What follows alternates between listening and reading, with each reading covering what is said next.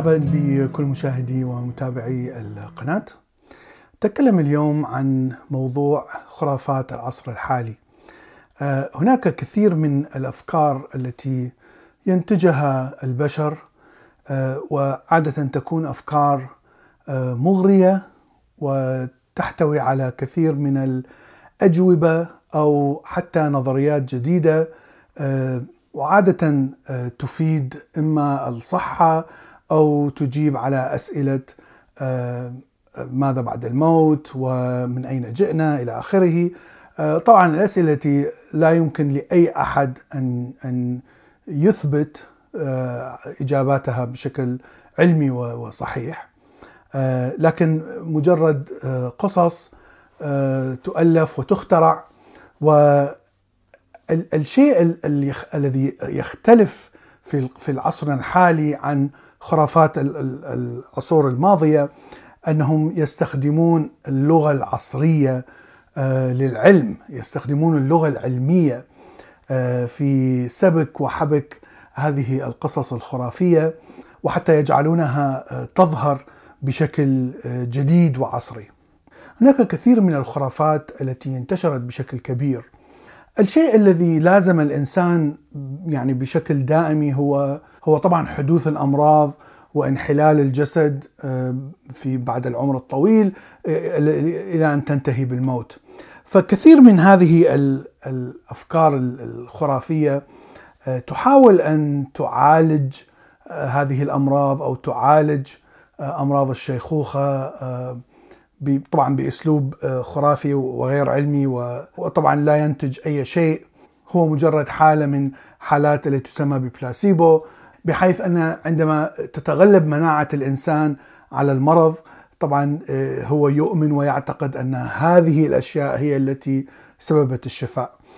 آه، من من هؤلاء الأشياء هي ما يسمى بالهوميوباثي وهذا سيستم يعتقد أن الأمراض سببها تكون شيء أو مادة تسمى بالميازمز والاعتقاد أن هذه المادة من الممكن التخلص منها وشفاء المرض آه، عندما نستعمل آه، قطع من الكريستال أو الكوارتز ونضعها في آه، كحول أو في ماء مقطر ثم يهزونها بشكل شديد حتى نستطيع أن نستخلص المادة التي آه، تحارب المرض ولهذا عندهم آه، الكريستال والكوارتز آه، هذه أشياء تعتبر ثمينة جدا وهي السبب الذي يشفى منه المرضى. طبعا لا يوجد أي دليل علمي أو تجريبي على أن هذه الكريستال أو المواد الكوارتز فعليا تحتوي على أي مادة أو أي طاقة تستطيع التغلب على أي شيء. آه، وفي أمريكا انتشرت بشكل كبير آه، بحيث آه، هناك أشياء أخرى أضيفت إلى هذه المواد حتى تشفي من المرض مثلا مواد لها رائحة معينة ويحاولون يستعملون مواد طبيعية أيضا طبعا ليس لها أي دليل علمي أو طبي والاطباء طبعا لا يعترفون باي فائدة لهذه المواد. النوع الثاني من آه، الخرافة التي أيضا انتشرت آه، في أمريكا وأوروبا هو ما يسمى healing آه، أو العلاج الكمي. وهذه النظرية تأخذ أو تسرق كثير من الأفكار أو المبادئ التي تأتي بها نظرية الكم الفيزيائية وتحولها إلى خرافات تفسر بها سبب الأمراض وتحاول أن تطرح طريقة للعلاج. ونظرية الكم تقول أن كل particle آه، مثل الفوتون الضوئي أو الإلكترون ممكن أن يتصرف بشكل آه، موجي أو بشكل مادي. آه، وهذه يعني الطبيعة الأزدواجية الموجودة في وهذه حقيقة علمية.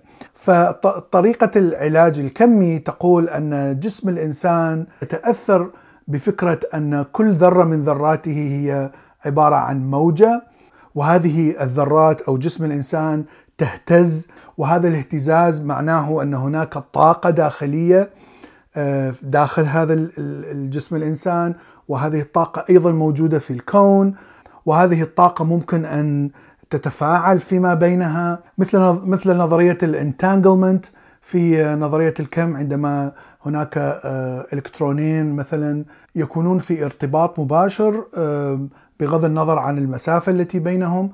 وهنا فإن الطاقة التي داخل جسم الإنسان أيضا تكون قد تكون مرتبطة بطاقة خارجية.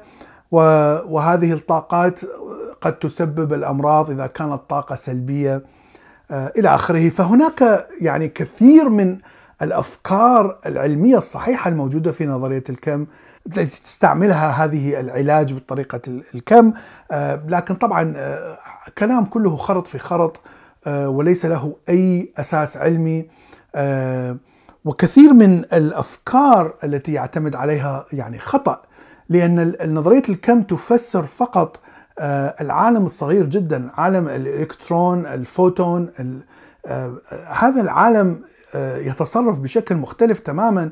عندما ننظر إلى جسم الإنسان أو ننظر إلى العالم الفيزيائي الكبير نلاحظ أن هذه الصفات غير موجودة لا يوجد إنسان مثلا أو جسم يتحول إلى موجة ثم يتحول إلى مادة يعني هذا لا يوجد في العالم الفيزيائي الكبير ولهذا لا يمكن تطبيق هذه الأفكار على العالم الفيزيائي الكبير. الفكرة الأخرى آه، هي قانون الجذب أو law of attraction. الفكرة هنا تقول أن أفكار الإنسان آه، تحتوي على طاقة معينة، طبعا هم لا يعرفون ما هي الطاقة، كيف تتولد ومن أين تأتي. آه، لكن يقولون أن الإنسان عندما يفكر الأفكار السلبية تعتبر طاقة سلبية والأفكار الإيجابية تعتبر طاقة إيجابية فإذا تكلمت بأسلوب إيجابي فإنك فعليا أنك تعطي طاقة إيجابية وممكن أن تؤثر على المقابل بهذه الطاقة آه، بالكلام الإيجابي. طبعا آه، كلما كانت طاقتك إيجابية أكثر كلما حياتك تكون أفضل كلما تستطيع أن تخلق لنفسك حياة أفضل آه، ممكن ان صحتك تكون أحسن أفكارك تكون أفضل وممكن أن تنجح في عملك يعني أسهل بكثير مما أن أن تكون أفكارك سلبية. فأعتقد أن هناك شيء من الصحة في في هذا المبدأ مبدأ أن الأفكار الإيجابية قد تقود إلى حياة إيجابية. يعني هذا شيء منطقي. إذا أنا دائما أفكر بشكل إيجابي ودائما أحاول أن أنظر للحياه بشكل إيجابي واحاول أن أبتسم وأضحك فاحاول أن أعطي فائدة للمقابل حتى أحصل على نفس الفائدة في المستقبل.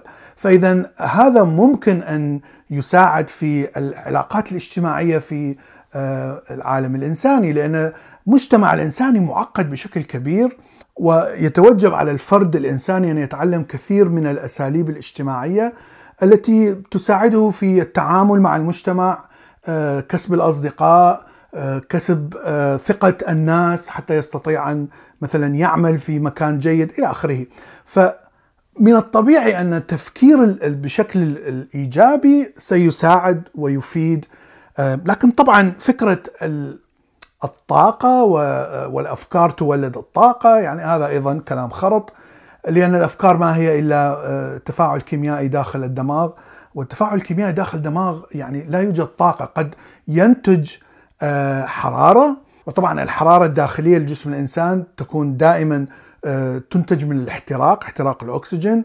وطبعا الجسم يتخلص من هذه الحرارة الزائدة في دوران الدم الدم الذي يأتي قريب من الجلد. طبعا عندما يتبخر العرق فسيبرد الجلد ومنه يبرد الدم والدم يدخل داخل الجسم ويبرد الجسم. فاذا هناك طاقة لكن هذه الطاقة عبارة عن حرارة. وهذا شيء فيزيائي ونستطيع قياسه يعني بشكل سهل. المشكلة أن ليست ليس هناك شيء اسمه طاقة سلبية وطاقة إيجابية. وهذا لأنه ليس لا يوجد معنى لكلمة طاقة سلبية وطاقه إيجابية يعني فكرة السلبية والإيجابية هي فقط أشياء أو أفكار اجتماعية ليس لها علاقة بالعالم الفيزيائي. أيضا من الأديان التي أيضا حاولت أن تعالج الإنسان وخاصة من الأمراض النفسية هو دين الساينتولوجي والذي بدأ في أمريكا وانتشر نسبيا في أوروبا. أيضا يعتمد على شيء غير علمي، فهم يأخذون المريض ويعطون المريض جهاز يلتقط موجات الكهرومغناطيسية. وطبعا جسم الإنسان يحتوي على كهربائية لأن العضلات تعمل بإشارات كهربائية من الدماغ. فدائما هناك إشارات كهربائية ضعيفة جدا آه، دائما موجودة في جسم الإنسان. يعني فإذا حاولت أن تقيس موجات الكهرومغناطيسية أو الكهرباء آه، في الإنسان آه، بجهاز دقيق جدا في يعني micro volt مثلا فإنك سوف يعني تجد إشارة معينة. فهم يعطون المريض جهازا مثل هذا ليقيس موجات كهربائية ضعيفة آه، وطبعا يعطونه اسم آه، ثيتا آه، ميتر بحيث أن أنهم يقولون أن الإنسان يحتوي على طاقة سلبية تسمى بالثيتا أتت من كائن فضائي ملك فضائي قتل كثير من الأسرى والعبيد وأرواح هؤلاء العبيد والأسرى هبطت ودخلت داخل جسم الإنسان وهي التي تسبب الطاقة السلبية وهي التي تسبب الأمراض التي نشعر فيها أو القلق أو الجهد أو التعب والتي تقود إلى مثلا السرطان وأمراض القلب. طبعا أيضا كلام كله خرط في خرط، لكن الطريقة التي آه، يجعلون الإنسان بها يشعر آه، بتحسن هو أنهم آه، كما قلت يعطون الإنسان هذا الجهاز ثم يقولون آه، آه، اشرح لنا مثلا ما هي المشاكل التي تعاني منها. مثلا ما هي المشاكل في حياتك؟ حتى لو كانت أشياء أحداث مثلا معينة أثرت على حياتك وشعرت بالحزن. هذه هي نوع من السايكوثيرابي نوع من العلاج النفسي لأنك فعليا ترتاح عندما تحكي المشاكل التي تشعر فيها. وعندما تناقش هذه المشاكل مع شخص معين أنت تشعر بالراحة لأن هناك إنسان يتعاطف معك. فهذه الراحة طبعا المؤقته التي يشعر فيها المريض يعزونها إلى أن هذه الثيتا أو هذه الطاقة السلبية آه، بدأت تخرج آه، لأنك استعملت هذا الجهاز. إلى آخره. طبعا أيضا كلام خرط في خرط. وهم يحاربون بشدة آه، الأدوية التي تعالج الأمراض النفسية والكآبة آه، ويحاربون علم النفس مثلا. طبعا لأن المريض إذا اتجه إلى الأدوية واتجه إلى علم النفس فسوف لا يحتاج إلى أن يستمع لكلامهم الخالي من أي علم يعني كله خرافة. الشيء الآخر الذي انتشر أيضا بشكل كبير هو إيمان الملايين من الناس بوجود صحون فضائية من عالم خارجي من كواكب أخرى. وهنا يعني كثير من آه، الأدلة الموجودة في آه، الإنترنت مثلا وكثير هناك آلاف وآلاف من الناس الذين يعني يشهدون بأنهم رأوا آه، مثلا صحون فضائية أو حتى رأوا مخلوقات فضائية وهناك قصص من حالات خطف المشكلة أن هذه كلها قصص. لا يوجد أي شيء مادي ملموس من هذه الكائنات. تقريبا 99% من الصور آه، والأفلام التي أخذت لهذه الأطباق الطائرة هي مزورة. آه، قد يكون هناك 1% من الصور غير مزورة لكن ممكن أن تكون ظواهر فيزيائية لا نعرف آه، معناها أو ظواهر فيزيائية لم نفسرها لحد الآن. أنا أقول ممكن لأنه ليس أكيد. وخاصة في عصرنا الحالي عندما عندما نعرف أن هناك كثير من البلدان لديها أقمار صناعية في خارج المجال الجوي للأرض وفي المدار الخارجي وهناك آلاف الأقمار الصناعية آه، وآلاف الكاميرات آه، في الفضاء آه، ونرى أن هناك شخص واحد في مزرعة معينة في أمريكا يقول شاهدت صحن طائر مثلا يهبط قريب من المزرعة ثم ثم يطير آه، بعيدا ثم لا يوجد أي قراءة من كل هذه الالاف هذه الأقمار الصناعية آه، لا تكتشف هذا الجسم الواضح الذي آه، أتى إلى هذا الشخص. خاصة وإن ليست هناك مثلا دولة واحدة تسيطر على كل هذه آلاف الأقمار هي عدة دويلات وأيضا هناك أقمار صناعية لمؤسسات خاصة. قطاع خاص من غير المعقول أن كل هذه الرادارات والتلسكوبات التي نمتلكها والأقمار الصناعية لا ترى هذه الأشياء والتي دائما ترى وتشاهد من قبل ناس يعني تقريبا كل يوم. فهناك يعني أشياء معينة تسبب الإنسان إلى أن يفسر آه، أي ظاهرة فيزيائية لا يعرفها آه، بأي قصة أو أو خيال، يعني هذا الشيء هو الذي أدى إلى آه، اختلاق الأديان، هو الذي أدى إلى تخيل الآلهة واختراع القصص عنهم. فهو ليس شيء غريب أنه أن الإنسان دائما يحاول أن يفسر ظواهر فيزيائية معينة بقصص خرافية. فقد يكون هناك ظواهر فيزيائية معينة لحد الآن لم نكتشفها، يعني أنا أعتقد أن كل الظواهر الفيزيائية قد اكتشفناها خاصة داخل الأرض أو قريبة من الأرض. آه، طبعا هناك ظواهر فيزيائية كثيرة خارج الأرض آه، لم نعرف لا نعرفها لحد الآن.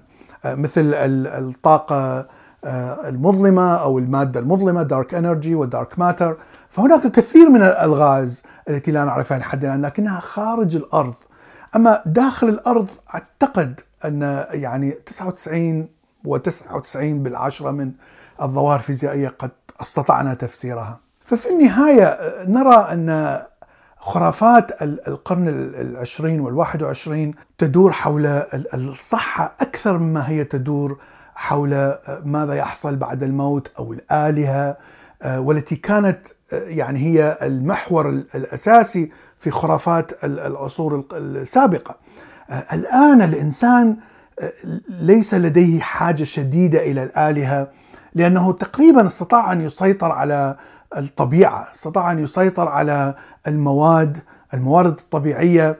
ونرى أن المدن يعني تحتوي على الحياة المرفهة نسبيا. وفرق هناك فرق كبير بين الحياة التي نعيشها الآن في المدن حتى في المدن الفقيرة آه، وبين الحياة 500 سنة ماضية. عندما نرى أن هناك أدوية أنتيبايوتكس آه، تقاوم 90% آه، من الأمراض هناك مياه نظيفة للشرب هناك وسائل صحية وتصريف صحي هذا كله لم يكن موجود. فنرى أن الإنسان بدأ يركز على الصحة وكيف يستطيع أن يعيش فترة أطول. وهذا هو الذي يولد خرافات الجديدة. وطبعا هناك دائما من من يؤمن بهذه الخرافات. هذا ما أردت أن أقوله اليوم، شكرا لكم وإلى اللقاء في حلقة أخرى.